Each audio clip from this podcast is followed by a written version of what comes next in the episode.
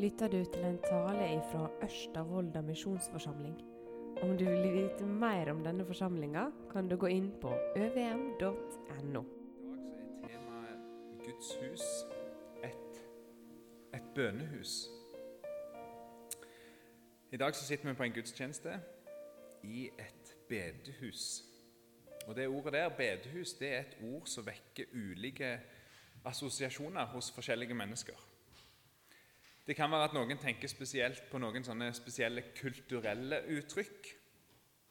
Noen tenker kanskje på arrangementer som en har brukt å være på, som en har vært på regelmessig, eller som en har vært innom. Det er det en tenker på først og fremst. Noen tenker på enkelte typer mennesker. Noen, når de hører bedehus, så tenker de på gode opplevelser. Andre tenker på vonde opplevelser. Noen kjenner på en varme knytta det ordet, mens andre kan kjenne på avstand. Men bedehus det er egentlig satt i sammen av to ord bønn og hus. Men det, sånn, det setter seg som en egen størrelse hos oss. Men det er satt i sammen bønn og hus. På midten av 1800-tallet da begynte folk i Norge å bygge disse husene. Det var mennesker som hadde et behov for å søke Gud sammen, og så trengte de et hus å gjøre dette i og så bygde de et bedehus. Historien til bedehuset har mange elementer i seg, og jeg tror alle dere som er her, skjønner at det, det er ikke den historien jeg skal ta før meg. Da er det andre i forsamlinger som kunne gjort det på en mye bedre måte enn meg. Men vi skal gå til en av de tekstene som er nødt til å ha vært grunnen til at de valgte å kalle dette huset som vi står i nå, eller sitter i nå, for et bedehus. For Gud så var det og er det et poeng at hans hus skulle være et bønnehus. Det er det vi skal stoppe opp for i dag. Så skal vi først gå til den teksten som vi har det ifra, der som Jesus sier dette. Og I dag så skal vi prøve å dissekere den litt, ehm, fordi det er en tekst med flere lag. Så vi skal ha en liten sånn en øvelse i det. Ehm, og Så skal vi stoppe litt opp til slutt og spørre oss når, når Guds tempel, Guds hus, ikke lenger er der i Jerusalem, men alle plasser der kristne samles, hvordan kan da dette nye tempelet være et bønehus? Og hva ligger det egentlig i det? Men Vi skal begynne med det mest selvsagte som vi kan gjøre når dette er temaet. Vi venner oss til Gud, og så ber vi til Han. Jeg ber Jesus om at du må lære oss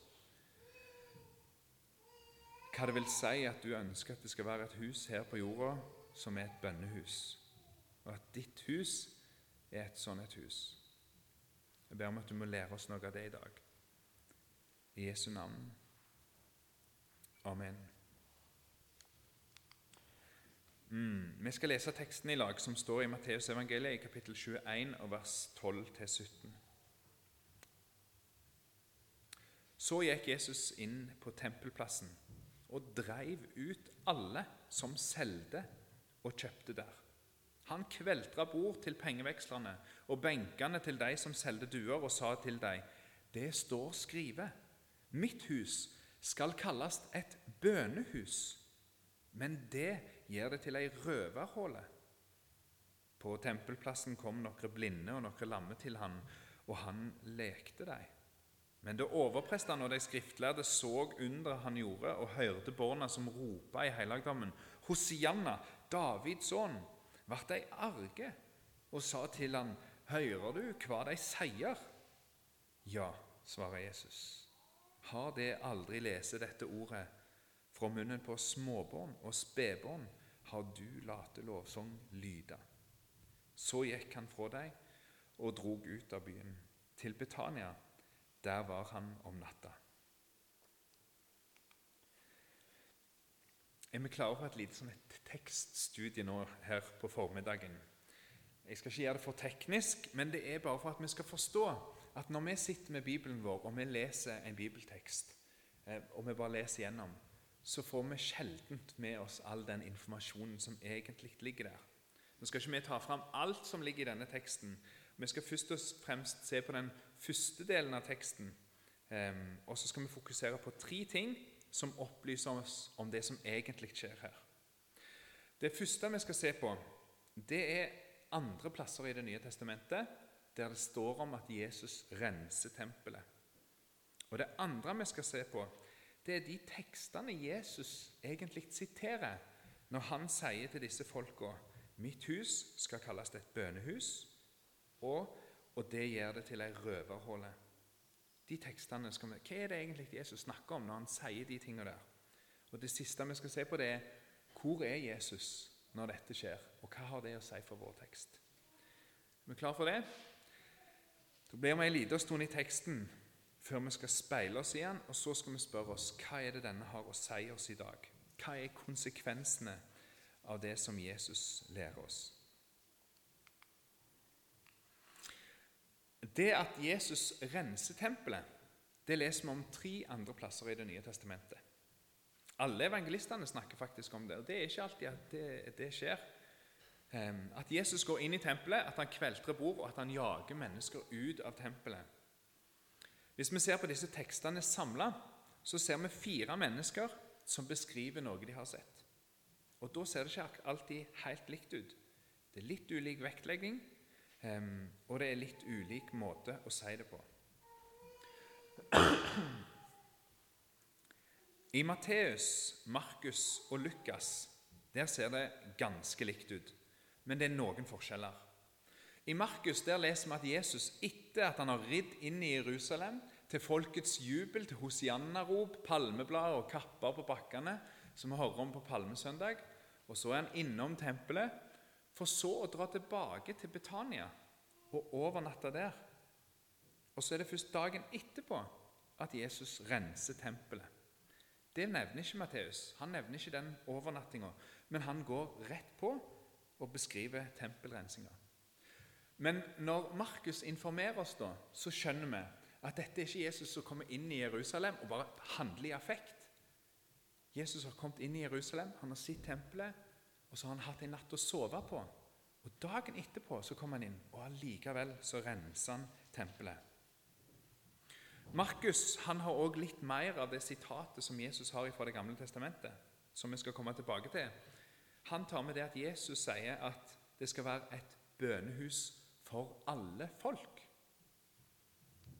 Det står i den teksten, så begge refererer til samme teksten. Men, men, men Markus han velger å få det med, for det var noe han oppdaga. Hos Matteus og Lukas der er det bare det at eh, det skal kalles et bønnehus. Det vil si at hos Lukas så står det ikke at det skal kalles et bønnehus. Det står at det skal være et bønnehus. Og Sånn får Lukas fram at det som Jesus sier her Poenget er ikke å få fram et navn, men hva hensikten til dette huset er. Den siste som beskriver dette, her er Johannes. Men når Johannes beskriver tempelrensinga, så plasserer han den hendelsen helt i begynnelsen av Jesus sitt virke. Den første påsken Jesus feirer i Jerusalem, rett etter han har stått fram og begynt sitt offentlige virke, der plasserer Johannes det. Mens Matteus, Markus og Lukas de plasserer det òg i Jerusalem i påsken, men rett før han skal lide og dø. Det gjør at kommentatorene som jeg har lest, de mener at Jesus må ha gjort dette to ganger. Og Det fins det ganske gode argumenter for når du ser på. Det er litt forskjellige tekster med litt forskjellige poenger. Men så er det noen som mener at nei, her er det, her er det eh, Matteus, Markus og Lukas som har plassert det helt til slutt. Fordi det er eneste gangen de beskriver at Jesus feirer påske i Jerusalem. Så da velger de å ta med det rent sånn tematisk. Sjøl så heller jeg mot det første. Jeg tror at dette er noe som Jesus har gjort to, to ganger. Når vi leser evangeliene og disse forskjellene, så kan det skape litt sånn hodebry for oss. Det kan være litt sånn plagsomt. Og på ulike tidspunkt i livet mitt så har det plagt meg mer enn andre ganger. Nå når jeg leser, så er min tilnærming at disse evangelistene de har inspirert av Gud, gjengitt det som de, eller kildene de bruker, har sett. Og Da er det som om det er en hendelse som har blitt filma fra litt ulike vinkler. At det, det, som dette kameraet filmer, det får med seg noen ting som dette kameraet ikke får med seg. rett og slett fordi de er filmet fra forskjellige ståsted, så vektlegger en litt ulike ting. Når vi møter de forskjellene, så er det lurt å spørre seg er det noe jeg kan lære av dette her. Utfyller disse tekstene hverandre på et eller annet vis? Og så tror jeg det er viktig å ha i mente at når vi leser i evangeliene, så er det ikke Hurtigruta minutt for minutt vi ser. Vi ser høydepunkter og deler av undervisning som Jesus har hatt, som evangelistene har sortert ut med Guds hjelp, for at vi skal få vite akkurat det som vi trenger for, å forstå hva Jesus ville, og hva han kom for. Hvis ikke så hadde det vært en ganske lang bibel. Og Hvis vi skal forstå hva Jesus ville her, da må vi vite at Jesus han siterer to av de store profetene i Det gamle testamentet når han forklarer det han holder på med. Når han forklarer hvorfor han kveltrer bord og jager folk ut. Vi skal begynne med det siste. Jesus han sier at disse folka gjør Gud sitt hus til ei røverhåle. Og Når Jesus bruker det ordet der, så refererer han til en tekst som vi finner i Jeremia 7. Disse folka som var rundt ham, de kjente Det gamle testamentet så godt at det ville de ha forstått. I Jeremia 7 så er det profeten Jeremia som får beskjed fra Gud om å stille seg i porten til Guds hus, altså i tempelporten. Og så skulle han rope ut noe til de folka som kommer gående inn gjennom portene for å tilbe Gud. Og Det profeten skulle rope til disse Det kan være å prøve å se for seg at det skal stå noen med inngangsdøra vår på denne måten her. Det er ganske sjokkerende. Men det profeten skulle gjøre, han skulle rope at de måtte snu seg. Dere må vende om. Dere må endre på livet deres. Folket her kommer, og de ofrer, men livet deres vitner om at de ikke lytter til Guds ord. De hører ikke på dem. Dette var vi innom i høst når vi leste fra Jesaja.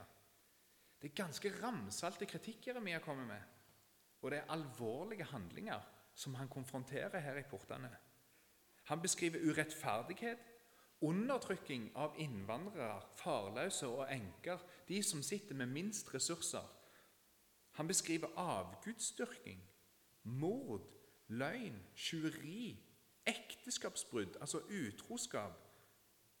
Og så kommer folket til tempelet med sine ofringer, og så tenker de her er tryggheten. Jeg gjør det jeg skal gjøre. Herrens tempel, Herrens tempel, Herrens tempel. Vi gjør dette, og da er det greit. Ordet Jesus bruker, det er røverhullet. Det er den plassen som røvere bor, holder til.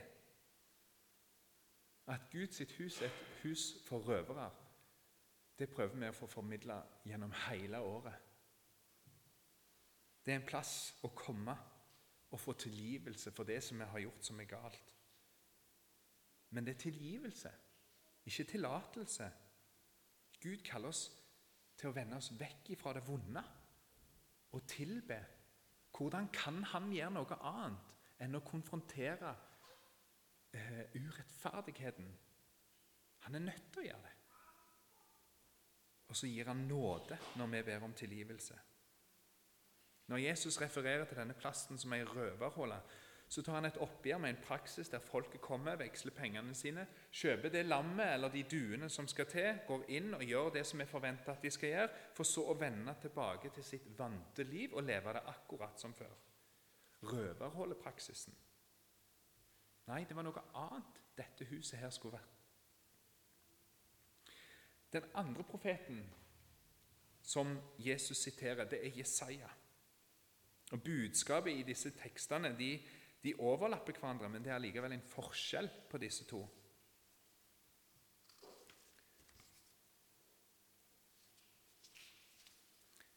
Begge tekstene de løfter fram at det å tilbe det er å leve et liv som vektlegger det å følge i Guds ord. Men der Jeremia sin tekst tar et oppgjør med mennesker som kommer til tempelet for å tilbe i hermetegn eh, Gud, uten å leve det livet som Gud kaller dem til, så vektlegger Jesaja de som egentlig ikke har adgang til Guds hus. Men pga. et hjerte som er mjukt, og som ønsker å følge Gud, så blir de inkludert, og de får komme likevel.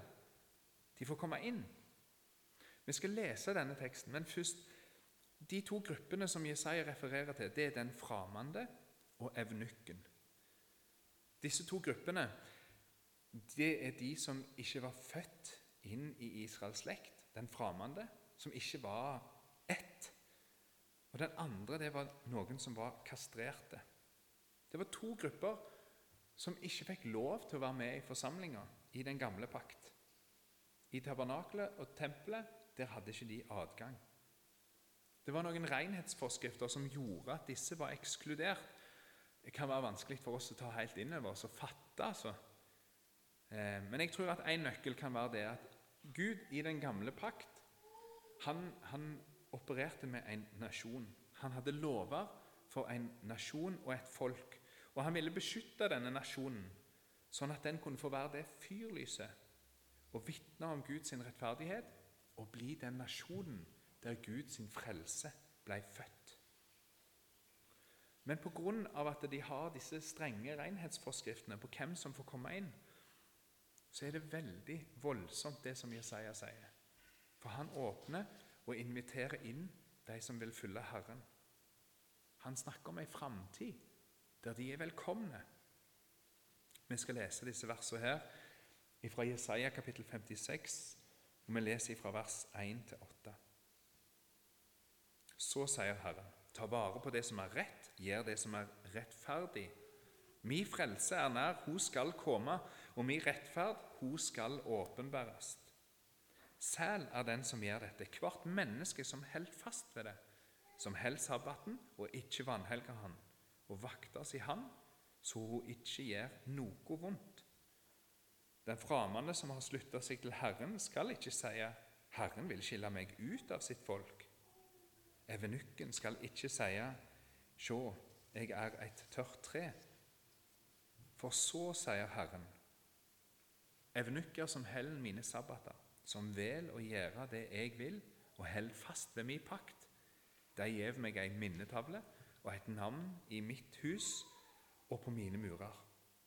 Dette er bedre enn sønner og døtre. Jeg gjev deg et evig navn som aldri skal slettes ut. Og de framande som har slutta seg til Herren, som vil gjøre tjeneste for Han og elske Herrens navn og være Hans tjenere, alle som holder sabbaten og ikke vanhelger Han, men holder fast ved min pakt, de fører jeg til mitt hellige fjell og let de glede seg ved mitt bønehus brennoffer og slakteoffer fra deg gjev velvilje på mitt alter. For mitt hus skal kalles et bønehus for alle folk, sier Herren Gud, som samler Israels fordrivne. Enda flere vil jeg samle enn de som alt er samla. Jesaja han peker på at de som i utgangspunktet ikke er verdige, de får komme inn og får søke Gud. Om det er de som er kastrerte, eller om det er de som er født inn i en annen nasjon. Nå har de tilgang. Dette er profetene og budskapet som Jesus legger inn over de som er i tempelet når han gjør dette her. Det skal være et bønnens hus, men dere har gjort det til ei røverhåle. Og da skjønner vi det handler ikke bare om pengevekslinga. Det er noe som stikker dypere. Men hvor i tempelet står Jesus når han sier dette? Det er det siste vi skal ta med oss fra dette tekststudiet. Hvis dere ser på det bildet som er her, så er det en miniatyrmodell av tempelet på Jesu tid, sånn som det så ut. Og Hvis dere ser nærmere, så ser dere at tempelet er delt inn i litt sånn ulike avdelinger.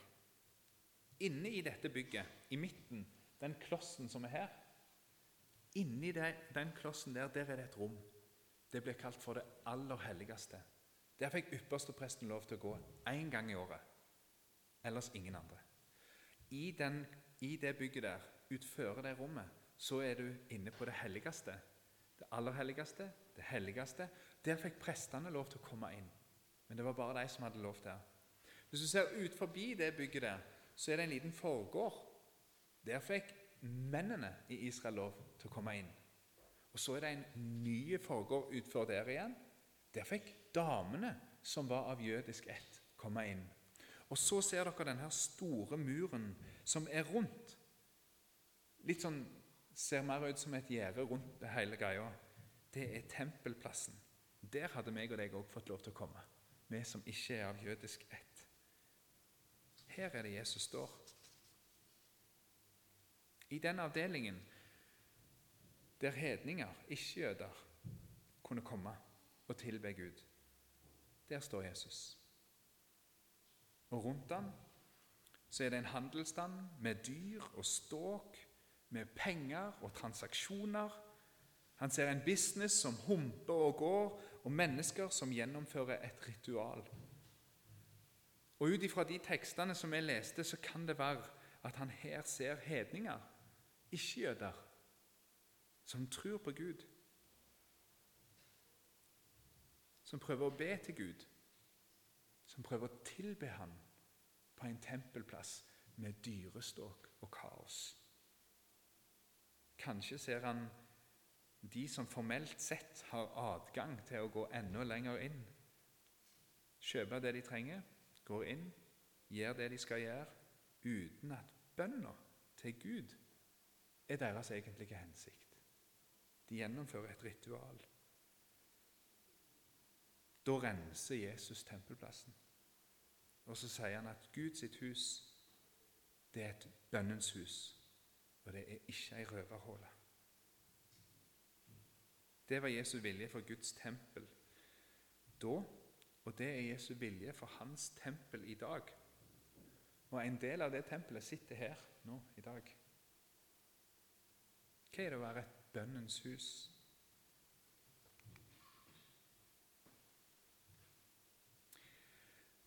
I 1927 så skrev en kjent kristenleder som heter Ole Hallesby, en bok som heter 'Fra bønnens verden'. Dette er en av de få norske kristne oppbyggelsesbøker som virkelig har nådd langt ut av Norges grenser og utover misjonssammenhenger og alt. Der skriver Hallesby at Bønn, det er å lukke Jesus inn. Når du folder hendene dine, når du setter deg på kne, når du løfter hendene dine, eller når du lukker øynene dine, når du legger deg på gulvet, når du bare lar tankene dine fly til Jesus, og du snakker til Han,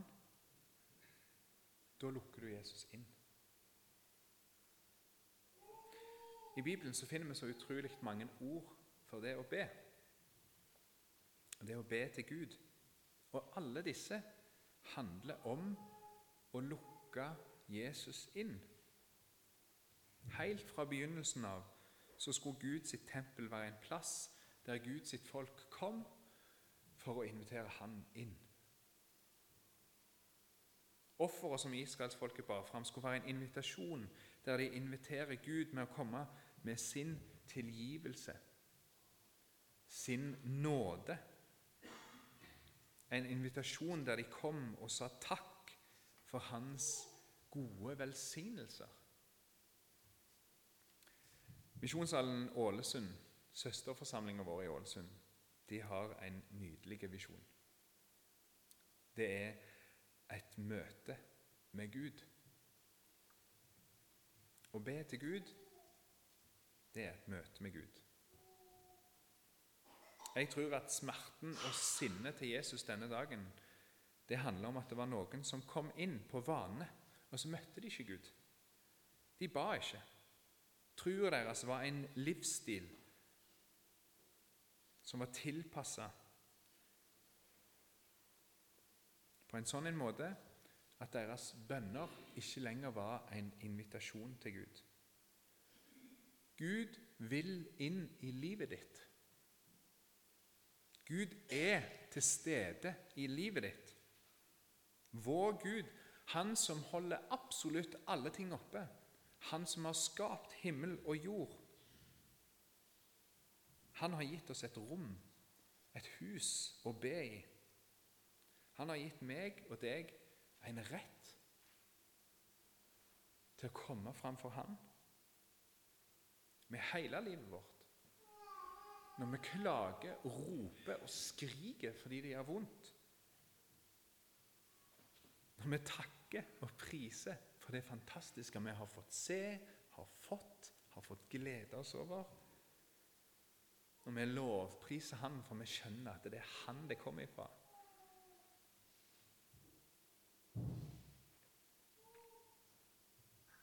Når vi kommer og bekjenner, og når vi kommer med vår bønn.